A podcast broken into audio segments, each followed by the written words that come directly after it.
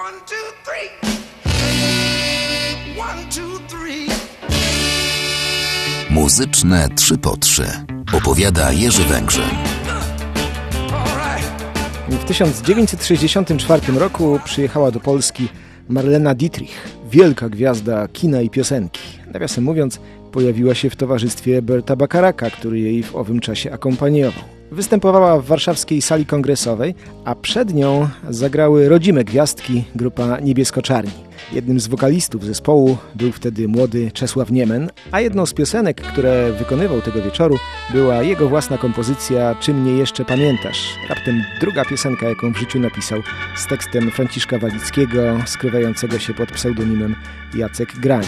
Czy mnie jeszcze pamiętasz? Dowód na to mi daj.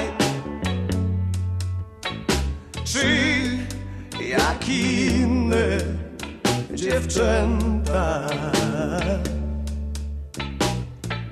Baju, baj, baju,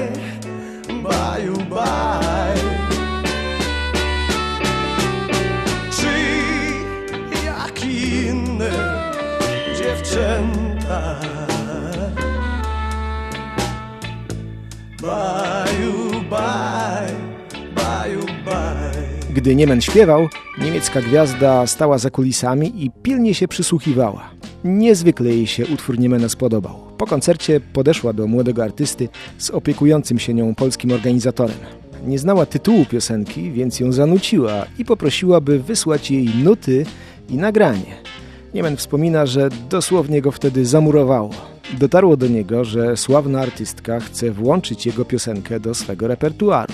Potem przez kilkanaście miesięcy nic się nie działo i gdy Niemen powoli zapominał o sprawie, okazało się, że Marlena Dietrich faktycznie zaśpiewała jego utwór z własnym, bardzo osobistym tekstem adresowanym do matki. Mutter, hast du mir vergeben? Mutter, denkst du noch daran? Mutter, hast du mir vergeben?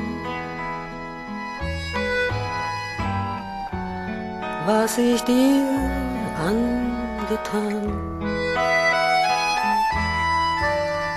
Mutter, hast du mir vergeben? Was ich dir angetan? 20 parę lat później na jednej scenie stanęli inni polscy i niemieccy muzycy. I również jedni drugim przekazali piosenkę, tyle że tym razem było odwrotnie. To Niemcy obdarowali Polaków. W grupie Kobranocka bardzo spodobał się jeden z utworów, jakie grali Die Tottenhausen. Niemcy bez problemu zgodzili się, by polski zespół przejął ten ich utwór.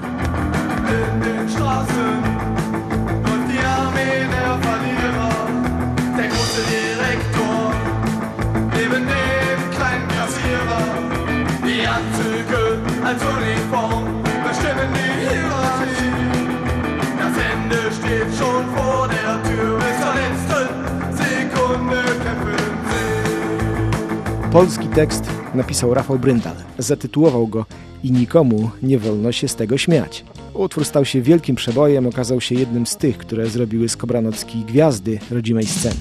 Wy kłamiecie, aby kupić nas Sprzedajecie nasz bezcenny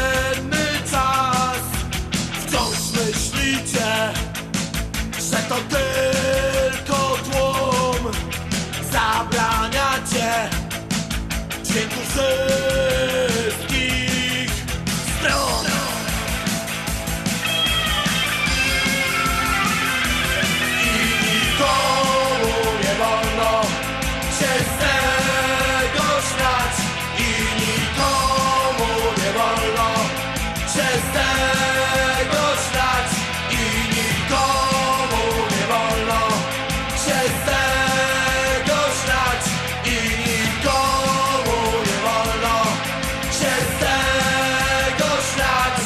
Parę lat wcześniej jeden z polskich zespołów postanowił występować pod niemieckim szyldem.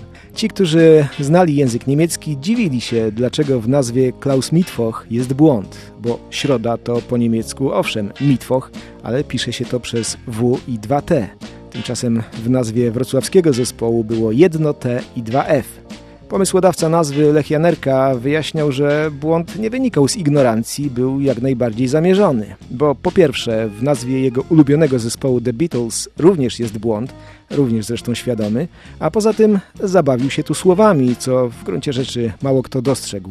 Bo jego pomysł był taki, że to nie tyle miał być Klaus Środa, co Klaus z fochami. Oczywiście krajowi dziennikarze przepytywali muzyków, dlaczegoż to nazwali się po niemiecku. Ci odpowiadali prowokacyjnie, że to dlatego, że są z Breslau i że finansują ich ziomkostwa. Niektórzy w to nawet uwierzyli. Swoją drogą ciekawe, że pomysł Janerki zrobił się bardziej czytelny, gdy jego samego już w zespole nie było. Gdy dwóch muzyków grupy postanowiło nagrać kolejną płytę pod niby starym, ale w gruncie rzeczy nieco zmodyfikowanym szyldem, pisało się to już Klaus, Mit i osobno Foch. Teraz nie było już żadnych wątpliwości, że Klaus miewa fochy.